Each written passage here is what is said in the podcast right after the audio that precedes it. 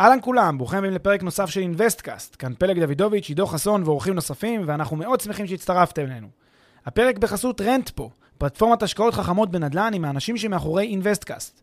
Rentpo מאפשרת לכם להשקיע בשקיפות וביעילות בנכסים מניבים, תוך ליווי וניהול מוקפד ומקצועי מקצה לקצה. היכנסו ל-rentpo.com, חפשו השקעה שמעניינת אתכם ותאמו איתנו פגישה דיגיטלית.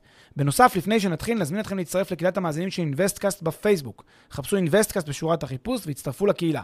ועכשיו לפרק נוסף של אינוויסטקאסט.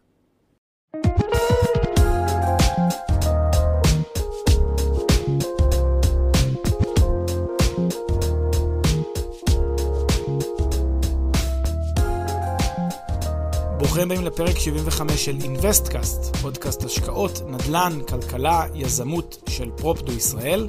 היום אנחנו בפרק השפעת השפעת. נדבר על הקורונה אה, ועל ההשפעות שלה על שווקי הנדל"ן אה, ועל אה, שווקים בכלל. פרק מאוד מעניין וגם מאוד אקטואלי. אז פרק 75 של האינוויסטקאסט, האזנה נעימה.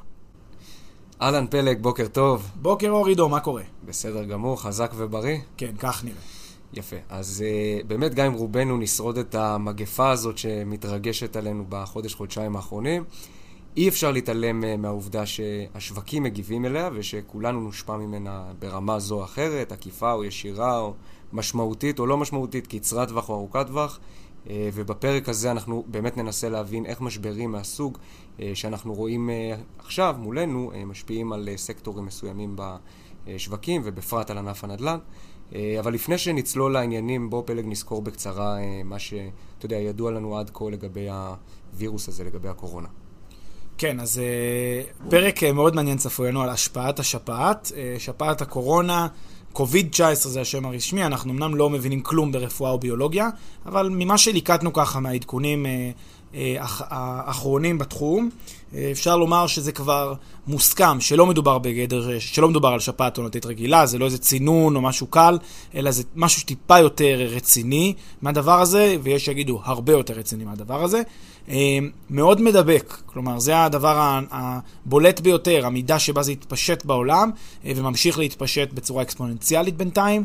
אה, גם ארגון הבריאות העולמי עדכן את סיכויי התמותה שלו לכ-3.4% מבין הנדבקים אה, ואם ההנחה היא שזה מאוד מדבק, ויש 3.4% אה, מהנדבקים גם בסופו של דבר אה, ימותו מהמחלה, אז יש כאן באמת פוטנציאל נפיץ, אם לא ימגרו את המחלה הזאת או ימצאו לה איזשהו חיסון אחר. כשצריך להבין שהחשש של מדינות סביב הקורונה, וזה זה בין השורות ככה של, ה, של הפוליטיקאים, זה בין השורות של העיתונאים, זה בין השורות אפילו של אנשי, של מומחי הבריאות, של, של מומחי משרד הבריאות בארץ ובחו"ל, החשש האמיתי, אני חושב, זה לא מההשלכות הבריאותיות של כל אינדיבידואל שידבק, כי כאמור, רוב האנשים שידבקו, זה יהיה עבורם באמת כמו שפעת עונתית קלה כזאת, צינון, שיעול, קצת חום. זה לא יהיה משהו יותר מזה. הבעיה היחידה זה המסה. בגלל שזה מאוד מדבק, תהיה מסה מאוד גדולה של אנשים שבבת אחת יצטרכו טיפול רפואי, חלקם יטופלו בבתים כרגיל, אה, מרק עוף ותה, אבל חלק יצטרך להגיע לבתי החולים. ואם יהיה כמות מאוד גדולה של אנשים שתצטרך טיפול, אה, אני הבנתי גם טיפול נשימתי, כי זה גם משפיע על הריאות, אם מסה גדולה של אנשים תגיע לבתי החולים כדי לקבל טיפול רפואי מהסוג הזה, זה יגרום לקריסת מערכת הבריאות. עכשיו, זה חשש באמת ברמה לאומית. זה אסון שהוא יכול ברמה לאומית. זאת אומרת, הפחד הוא לא הנזק האינדיבידואלי לכל חולה, אלא ברמה הלאומית של uh, קריסת מערכת הבריאות. Uh, uh, וזה בעצם, ה, וזה בעצם היום החשש המרכזי. אז אמנם לא יודעים כרגע מה צופן העתיד, אבל יש, אפשר לומר שיש מספר תרחישים מרכזיים. התרחיש הראשון זה שזה פשוט ייעלם כלעומת שבא, מה שנקרא, בדומה למה שקרה עם הסארס, שזו הייתה פשוט מגפה זמנית, שפשוט חלפה איזה יום אחד בתחילת האביב, והכל חזר לקדמותו כלא היה. אה, בניגוד לסארס אגב, אה, הקורונה כבר מזמן התפשטה למקומות נוספים.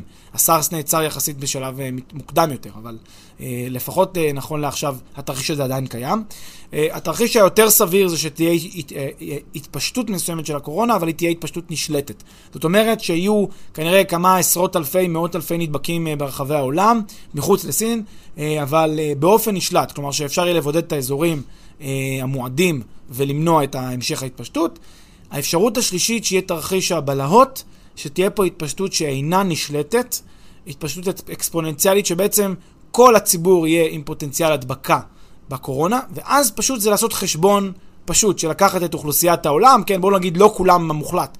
ניקח 70 אחוז, 80 אחוז מאוכלוסיית העולם תידבק, ואם אנחנו עושים את הסטטיסטיקה, 3.4 אחוז של נפטרים, אפשר להבין לבד את המספרים. זה, זה התרחיש, אגב, היה כבר, הייתה כבר אה, שפעת כזאת בהיסטוריה האנושית, זה לא יהיה משהו שעוד לא ראינו בהיסטוריה האנושית, היה אחרי מלחמת העולם הראשונה, שפעת שמכונה שפעת הספרדית.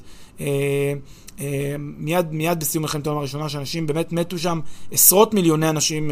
40 מיליון. 40 מיליון איש. אז, אז הדבר הזה כבר היה לו תקדים, זאת אומרת, זה לא משהו שהוא תרחיש בלתי סביר בעליל. הוא הרבה, הוא הרבה פחות סביר, כי אנחנו יודעים יותר קצת להתמודד עם זה, אבל אין ספק שזה תרחיש קיים. אוקיי, okay, אז אנחנו כולנו באמת עדים בימים האחרונים, ל, אתה יודע, לירידות שערים בבורסות ולעלייה של מדד הפחד שמבוסס על התנודתיות של ה-S&P 500, אז אין ספק, יש קורונה, ולקורונה הזאת יש השפעה על השווקים, אבל אתה יודע, הטענה הרווחת, והיא במידה רבה גם טענה שמוכיחה את עצמה, אה, היא שהשוק יתקן כלפי מעלה, ומי שמפוזר מספיק לא יפסיד בטווח הארוך. עכשיו, שוב, אתה יודע, היו, היו משברים uh, מעולם שהשפיעו לפעמים אפילו באופן דרמטי על השווקים, ובסוף באמת אחרי כל ירידה בעלייה, ובאופן טבעי, מי שנשאר במשחק ולא היה זקוק לתזרים מיידי ולא נבהל והיה מפוזר מספיק, לא הפסיד. בעצם מה שאתה אומר, זה שמבחינה רב-שנתית, אנחנו בסך הכל נראה, כן, נסתכל על הדבר הזה עוד חמש שנים ונצחק, מה שנקרא, נסתכל על משבר הקורונה כאל עוד אפצ'י, תרתי משמע, בגרף הרב-שנתי. איזושהי ירידה ש... תתקן מאוד, מהר מאוד אה, כלפי מעלה, אה, ואז בעצם כאילו לא צריך להתרגש בכלל מכל הדבר, לא צריך לעשות פרק מיוחד באינבסטקאסט. אני עדיין חושב שגם אם זה נכון מה שאתה אומר, וכנראה more likely שזה נכון מה שאתה אומר, עדיין יש חשיבות לתקופת הביניים הזאת. אה, תקופת הביניים הזאת יכולה להיות לפעמים עם השלכות גם עתידיות, היא יכולה ליצור איזה שהן בעיות, אפילו בטווח הזמן היותר ארוך. אה, והיא גם, גם תקופה, בסדר, בסדר, אתה עדיין רוצה לא להפסיד כסף בתקופה הזאת, כן? אז נכון, אולי זה יהיה אפצ'י, אתה לא רוצה להפסיד כסף, אתה רוצה לפעול נכון אה, תחת, ה, תחת האילוצים שיש. אוקיי, okay, אבל אה, אתה יודע, כמו ש... לא מעט מומחים, כמו שאמרת קודם, מעריכים שלא מדובר באיזה מגפה היסטרית, אלא במשבר קצר ש... איך הגדרת קודם? יחלוף כלעומת שבא. אז בואו ננסה באמת להיכנס קצת יותר לעומק ולהבין למה גם אם המשבר או המגפה, במקרה של הקורונה, פשוט תתפרץ לתקופה קצרה, כן? לא משבר ממושך וארוך, למה עלולה להיות להתפרצות אה, הזאת השפעה משמעותית על השווקים, כמו שאתה מתאר? זאת באמת נקודה חשובה ומעניינת. גם למשבר קצר יחסית, שהוא משבר גלובלי, אפילו אם הוא לתקופת זמן קצרה, יכולה להיות השפעה גם ארוכה על השווקים, בגלל הכלל הבסיסי הבא, עסקים חייבים תזרים כדי להתקיים, חייבים כסף.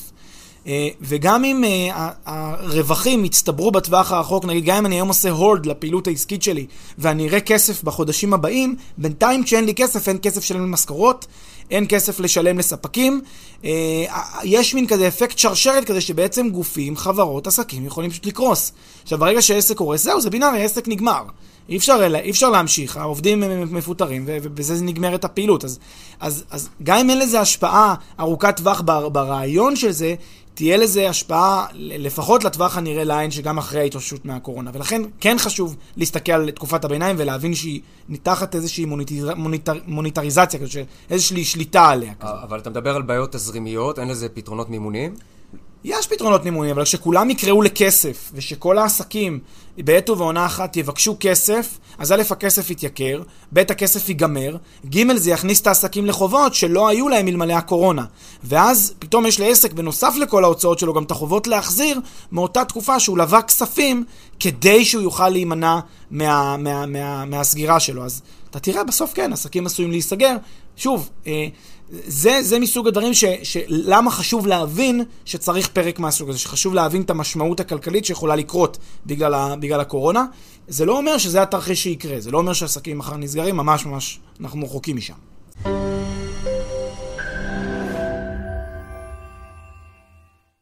לפני שנמשיך, כמה שניות מזמנכם.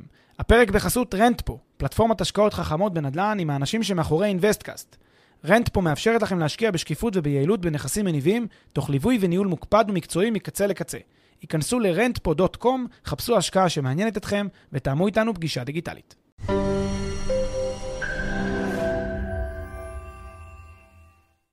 יפה, אז, אה, אז משברים מהסוג של משבר הקורונה, אתה יודע, משפיעים על הסיכויים והסיכונים שלנו בעולם ההשקעות, וזה לגמרי ברור, אבל מה שמעניין הוא איזה סוג של פעילויות עסקיות נמצא בסיכון גבוה יותר, או חשוף יותר לסיכון, נגיד. זהו, אז בואו בוא נחלק את הפרק לשלושה סוגים של סיכונים. יש סיכון גבוה, אה, להשפעות, סיכון בינוני להשפעות וסיכון נמוך להשפעות, אוקיי? כדאי לעשות תמיד את החלוקה הזאת, אגב, זו חלוקה מקובלת גם בשוק ההון. גם בשווקי הון, כשחברה מדווחת בדוחות הכספיים של הסיכונים, אז היא מחלקת תמיד לגבוה, להשפעה גבוהה, השפעה בינונית והשפעה נמוכה. אז גם אנחנו בפרק הזה נאפיין בעצם את הענפים, את תחומי הפעילות, שחשופים לרמות סיכונים כאלה ואחרות. עכשיו, אם הייתי רוצה רגע להגדיר, מה זה אומר סיכון גבוה? אז סיכון גבוה זה סיכון שכבר, או שהוא יתממש, בחלקו לפחות, שהוא כבר הראה שהוא כבר אה, קיים, או שסיכויי ההתממשות שלו גבוהים. ההסתברות. ההסתברות, כן, ההסתברות שיקרה אותו סיכון היא גבוהה. ואז אני יכול להגיד שזה סיכון שהוא גבוה. עכשיו, אם יש ענף שכבר היום רואים בפועל השפעה ישירה מהקורונה, זה, או שני ענפים, זה ענף התעופה וענף התיירות. ענף התיירות הוא חוטף בצורה ישירה בגלל עוצר הטיסות הבינלאומי, במיוחד לסין כמובן, ל... ל, ל, ל אתה יודע, לקוריאה, ליפן, ל, ל, לאיטליה עכשיו באירופה, זה התחיל באסיה ועבר לאירופה, ואנחנו גם כמובן נראה את זה הולך ומתפשט uh, לכל העולם. בעצם עוצר הטיסות אומר שאנשים נסתגרים במדינות שלהם, לא יוצאים, לא מטיילים. לנו יש עובדים גם בפולין שביטלו uh, חופשות סקי באיטליה בגלל ה... המשבר של הקורונה באיטליה, ממש לפני כמה ימים הם ביטלו uh, חופשות. הנה, ענף התיירות חוטף באופן מובהק. Uh, וכמובן שהוא נמצא בסיכון גבוה, אם לא לומר סיכון עצום, להפסדים, אם הדבר הזה נמשך. עכשיו שוב, הפסד של ענף התיירות, צריך להבין את המשמעות שלו. בענף, בענף התיירות יש הרבה תחרות. כשיש הרבה תחרות, יש שולי רווח נמוכים. כשיש שולי רווח נמוכים, אז אולי יש הרבה כסף שנכנס, הרבה מחזור והרבה רווחים. אבל השוליים נמוכים. זאת אומרת שאם יש איזשהו אפצ'י שוב, תרתי משמע של השווקים, אז, אז אין לענף הזה יכולת לשרוד, או פשוט, אה, אה, אתה יודע, חברות, גופים, אה, בתי מלון, כל מי שבתעשייה הזאת פשוט ייסגר אם זה ימשיך, זה פשוט ייסגר, לא יוכל לעמוד בזה, כמובן גם תעשיות משיקות בתחום הזה. זה נכון לתיירות בפרט, נכון גם לענף התעופה בפרט. כן, וכשדיברת אגב על שולי רווח נמוכים ותחרות, אז ענף התעופה, אתה יודע, זה כמעט מתבקש שייפגע. מאוד מתבקש, כי ענף התעופה יש במיוחד, יש שם שני סוגים של חברות, יש את חברות הלגאסי ואת החברות הלואו-קוסט. חברות הלגאסי המסורתיות הן חברות שהן יותר רווחיות. אה, ויש להן קצת יותר אה, שוליים ובטן. לחברות הלואו-קוסט, כל המודל שלהם הוא מודל מאוד רזה ושלדי. ככאלה, המשמעות של הקורונה יכולה להיות הרסנית, חברות יכולות להיסגר, ואנחנו כבר מדווחים על חברות uh, באנגליה שנסגרות, ואפילו בישראל כמובן, אלעל כבר uh, מפטרת עובדים, ולא מן הנמנע שנראה עוד ועוד חברות כאלה שנסגרות, וקראתי לאחרונה איזשהו מאמר מעניין שאומר שבכלל יש חשש בענף התעופה שהגענו לאיזושהי נקודה שכבר הענף הזה, מה שנקרא קו פרשת המים של ענף התעופה, המודרני לפחות, בעקבות גם ההתרסקות של המטוס ה-737 מקס, וגם הדבר הזה, שני אירועים אירועים כאלה שהם בזה אחר זה, שמראים שענף התעופה מאוד שברירי, מאוד לא יציב, ואז חברות ישנו את הביזנס קונספט שלהם, הם בעצם יעשו מין מודל שהוא אה, מבקש להגדיל את שולי הרווח על חשבון תדירות הטיסות, ואז נראה חברות שיש להן פחות מטוסים, פחות טיסות יומיות, אבל יותר טיסות מלאות ורווחיות. ואז כשיש לך יותר שוליים, אתה הרבה פחות חשוף לנזקים. אז זה בהחלט נקודה מעניינת, אה, וזה שני השווקים האלה של תיירות ותעופה, שהם באופן כבר מורגש, חד משמעי, חוטפות. עכשיו, אתה, אתה יודע, אני שומע אותך מדבר על תיירות ותעופה, ואני לא יכול שלא לחבר את זה גם לשוק הנדל"ן, כי אני אומר לעצמי, רגע, אם יש משבר בענף התיירות והתעופה, ממילא ברור שגם כל פעילות עסקית שנוגעת לעולם הזה, בין אם זה מלונאות או Airbnb או צורות אחרות, צפויה לפחות בטווח המיידי להיפגע אה, גם מהסיפור הזה, כמו באיזה מין אה, תאונת שרשרת. חד משמעית, שוק הנדל"ן הוא פועל יוצא של שוק התיירות ושוק התעופה, בגלל ה-Airbnb וה-short rentals, המלונאות. הענפים האלה הולכים לחטוף, אה, אם המצב כן לא משתנה בקיצון בתקופה המאוד קרובה, אנחנו נתחיל לראות את ההשפעות של זה. וכן, יש לך עכשיו, יש לך ענפי תמך שלמים בתחום הזה שיחטפו. בקיצור, כל מה שקשור לתיירות ותעופה נמצא היום בסיכון גבוה, סיכון גבוה מאוד להיפגע בעקבות הקורונה. אה, עוד ענפים שיחטפו זה כמובן ענף אה, שוק ההון, כן? שוק ההון עצמו, כל התעשיות התומכות בשוק ההון ושוק ההון עצמו, הוא מורגש שיש, אה, כבר רואים את הנתונים, לא צריך, זה פה איזה חדש, אבל ברור לגמרי שמי שהיום את עיקר הפעילות העסקית שלו מרכז בשוק ההון, אני חושב שהוא צריך, מה שנקרא, לשבת על הגדר. לא, לא לעשות היום, לא להיכנס באופן מוגבר לפעילות אינטנסיבית בשוק ההון אה, כמסחר, להתחיל, להתחיל לסחור, כי דווקא היום אנחנו רואים שוק ההון נמצא במין אי-יציבות כזאת, לא ברור כל כך לאן זה הולך מבחינת השוק, אה, ולכן הוא חשוף לתנודתיות אה, גבוהה, ו... אה, גם רואים שהפדרל ריזרב בארצות הברית הוריד את הריבית בחצי אחוז ממש לפני כמה ימים, אה, כדי להתמודד עם הירידות המשמעותיות שהיו בשווקים בארצות הברית. אה, הורדת הריבית, המשמעות של זה כן להזרים ביקושים שוב, כדי שאנשים ימשיכו לסחור ויעלו חזק, חזרה את, ה, את, ה, את השווקים כלפי מעלה, כדי ששוב, שזה יהיה אפצ'יק קטנטן ולא משהו יותר משמעותי. אבל אה, השאלה, השאלה שוב, מה יהיה? ואם אני מנסה לנבא קדימה, אני לא יודע, אז יש כזה אי ודאות, אז בוא, בוא לפחות בוא נסכים שצריך טיפה להמתין, לראות, להריח טיפה לאן זה הולך, ואז להבין פחות או יותר. אתה אומר, בין אם אתה בפנים לא לצאת, בין אם אתה בחוץ לא להיכנס, כן, אנחנו לא יועצי השקעות כמובן, אנחנו לא, לא נגיד לאנשים מה זה, אנחנו חושבים שכעיקרון ההיגיון אומר שאם הייתי צריך עכשיו לנתח מה, מה מבין כל האפשרויות שיש לפות, אז אני לא הייתי עכשיו נכנס להרפתקאות, בטוח בשוק ההון, ואם אני כבר בפנים ואני מושקע, לא יודע, לא הייתי בטוח מממש הכל, הייתי, הייתי נזהר, בקיצור, לא עושה דברים קיצוניים עכשיו בשוק, אה, מכל הסיבות אה, שציינו. אוקיי, אז דיברנו על פעילויות שחשופות לסיכון גבוה או לתנודתיות גבוהה. איזה סוג של פעילויות עסקיות נמצאות בסיכון בינוני, כמו שהגדרת קודם? בדיוק. הסיכון בינוני באמת אה, זה סיכון שההסתברות שלו היא נמוכה יותר מה, מהסיכון הגבוה, אבל היא לא, סיכו, לא הסתברות אה, אפסית, כלומר היא עדיין קיימת, ולכן היא טעונה אה, גם שאנחנו נהיה ערניים לה כ, כהסתברות, וגם כדי שהיא תתממש אנחנו צריכים, צריכים לראות שיקרה עוד איזה משהו עם המחלה, עם הקורונה. זאת אומרת, אם, כדי שיתממש הסיכון הבינוני, אנחנו צריכים לראות שבאמת יש התפשטות משמעותית של המחלה, באופן כזה שבאמת, כמו שאמרתי בתרחיש הראשוני של הפרק, שיש לנו 70% מאוכלוסיית העולם שנדבקת או שבעלת פוטנציאל להידבק עם 3% תמותה. שזה המספרים, אנחנו מבינים, סיכון שקיים, הוא לא, הוא לא אפס, הוא קיים, סיכון בינוני אפשר לומר, שדבר כזה יקרה, יצא משליטה, שבתי חולים לא יעמדו בעומס, ואז אנחנו נראה באמת התפשטות המונית של הדבר הזה. רק אני רוצה להגיד ש... אה, ואני גם תכף אחדד את זה, זה עדיין סיכון יחסית נמוך, ואפילו נמוך מאוד. כן, אני, אני, לא, לא, לא נביאים, אבל לדעתי זה סיכון נמוך מאוד, כי יש דרך לנטרל. אני, אני גם תכף אתייחס לזה תכף, לפחות ממה שאני קורא אה, ב, מהרפואה לפחות, מה שהם, מה שהם מציגים. אבל בואו נניח שהסיכון הזה יתממש. מה אנחנו צופים שיקרה? אז קודם כל, אה, התעשיות שייפגעו מאוד מאוד חזק מהדבר הזה יהיו כמובן תעשיות האירועים, תעשיות הספורט, תעשיית התרבות, תעשיית הבילוי, מסעדנות, פאבים. אה, כל התעשיות האלה שמחייבות איזה שהם ריכוזים של אנשים ביחד, כל האירועים, פעילויות, כנסים, כל התעשיות האלה הולכות להיפגע בעקבות דבר כזה, כי שוב, כי מה שהמדינות יעשו זה אפקט של בידוד.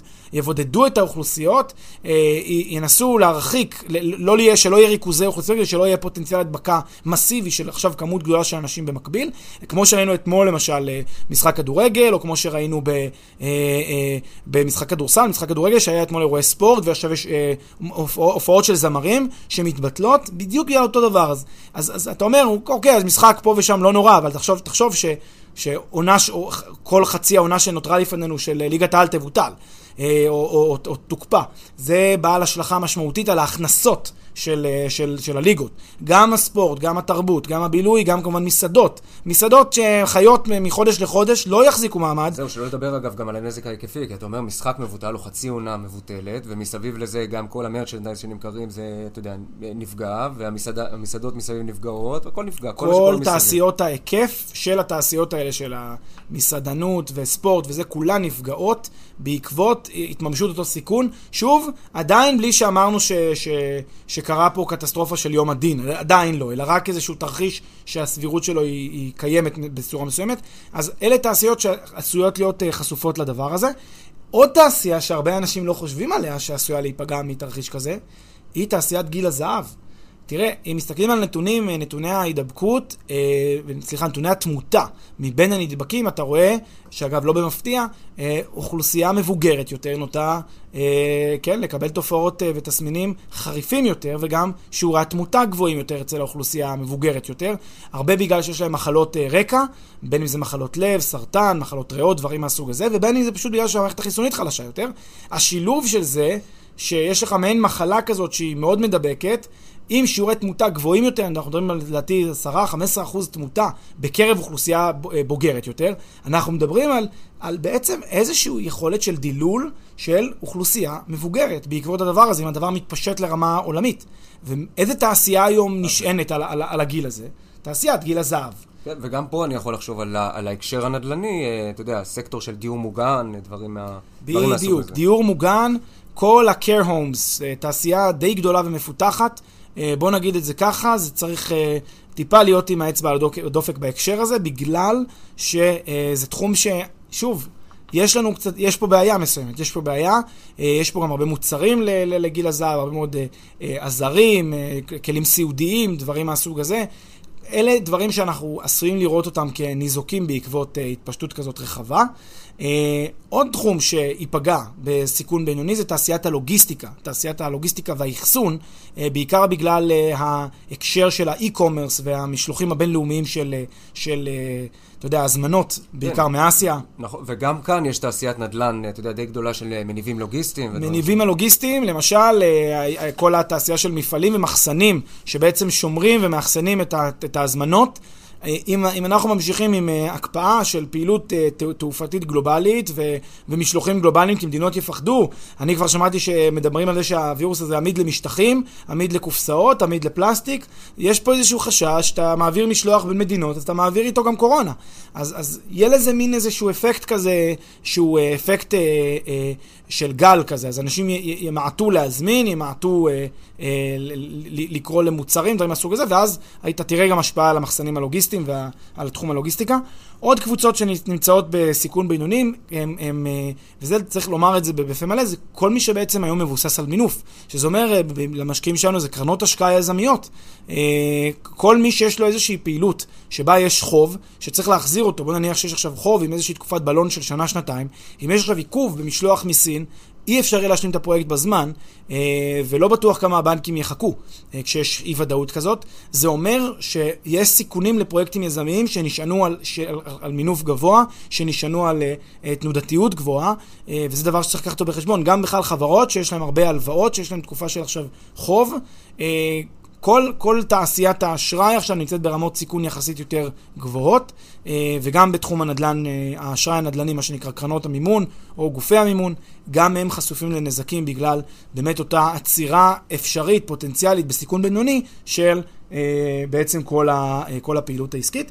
ותעשיות נוספות זה תעשיות הבנייה, הקבלנות, בניין, התעשיות האלה, שהן תלויות, אה, לפחות חלק ניכר מהן, הן תלויות במשלוחים שמגיעים מסין, אה, עיכובים שם, אה, או בכלל מאסיה, עיכובים שם באספקה של המוצרים, תגרום לעיכוב גם בפרויקטים שבעצם מבוצעים במדינות בעולם, ולא מן העניין שזה גם כן יגרום לנזקים.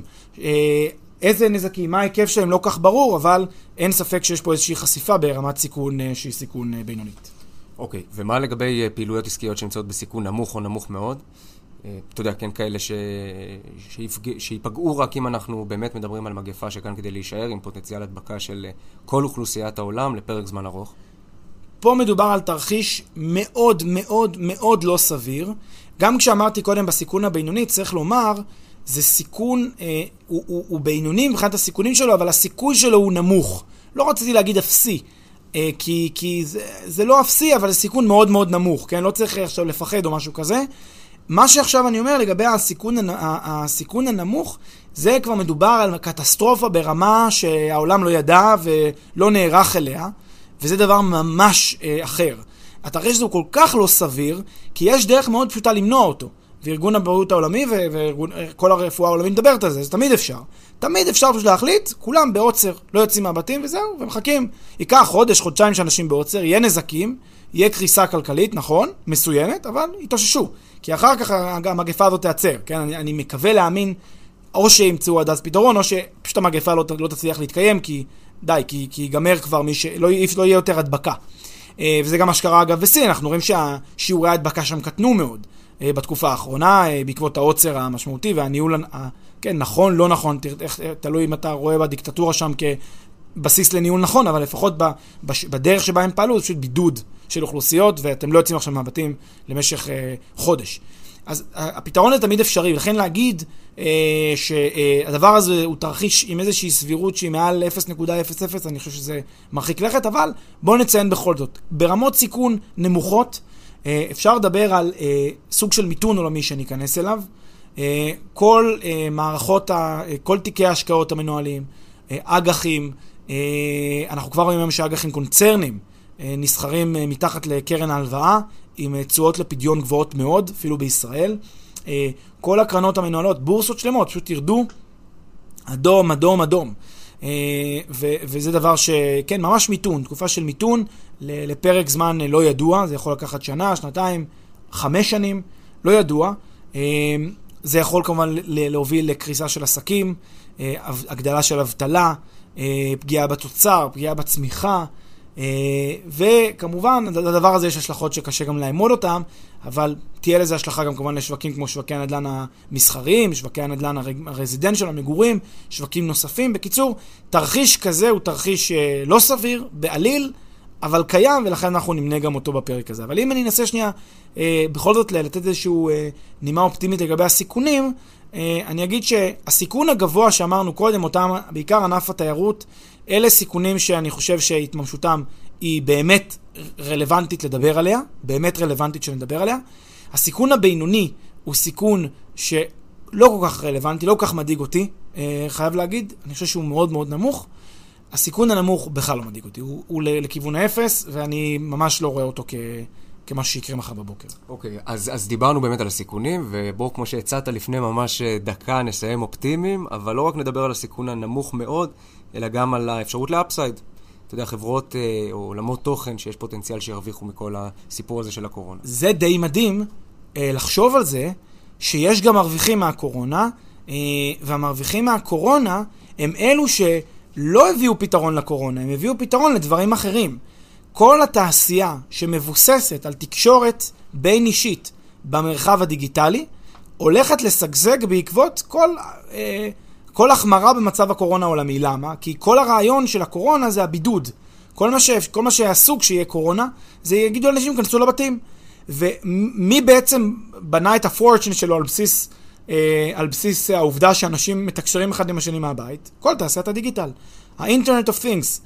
אז אתה תראה הרבה מאוד, אה, אה, אה, לא יודע מה, online conferences, online meetings, online courses, כמו הקורסים של פרופדו, אה, כל, ה, כל, ה, כל מה שעובר למימד הדיגיטלי, הולך בעצם לשגשג בתקופה הזאת, כי תחשוב, אנשים אין להם מה לעשות, ישבו בבית, מה יעשו? יהיו ביוטיוב.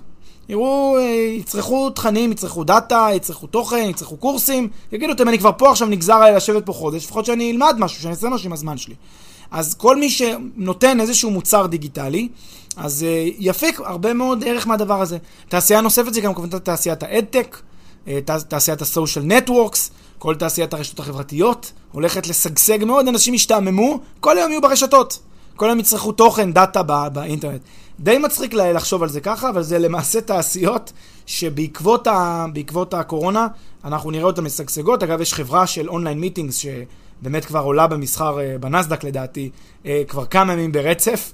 אה, וזה סימן שבאמת השוק מבין, אתה יודע מה מצחיק, הם, הם הרי לא באו, כל החברות שעושות את זה לא באו מתוך הצורך הזה, הם לא, לא ראו, לא שיוו לנגד עיניהם במצגת המקורית שלהם את הקורונה. הם לא ראו את זה כזה, אבל תראה איך צירוף נסיבות כזה, מין אירוע כזה מתגלגל עולמי, פתאום גורם למודל העסקי שלהם להיות אפילו יותר טוב ממה שהם חזו אותו. בזכות איזשהו אירוע שהם בכלל לא, לא תלוי בהם. אז כמובן, אה, אנחנו אה, נשמח זה עובד, ש... זה עובד אגב כמובן גם, ב, אתה יודע, גם בכיוון הנגדי, כן? שמישהו אה, פתח בית מלון, הוא לא העלה על דעתו שיבוא איזה וירוס אה, לגמרי, וישפיע עליו. לגמרי. זה תמיד, ה, ה, ה, יש נהנים ויש מרוויחים, יש נהנים, מרוויחים ויש מפסידים. כשיש שינויים כאלה, שינויי נסיבות. אבל uh, כדאי בכל זאת לצאת באיזושהי נימה אופטימית בהקשר הזה, וכמובן uh, שכולנו נהיה בריאים. יפה, שנהיה בריאים, זה העיקר. תודה רבה, עידו. תודה, פמי.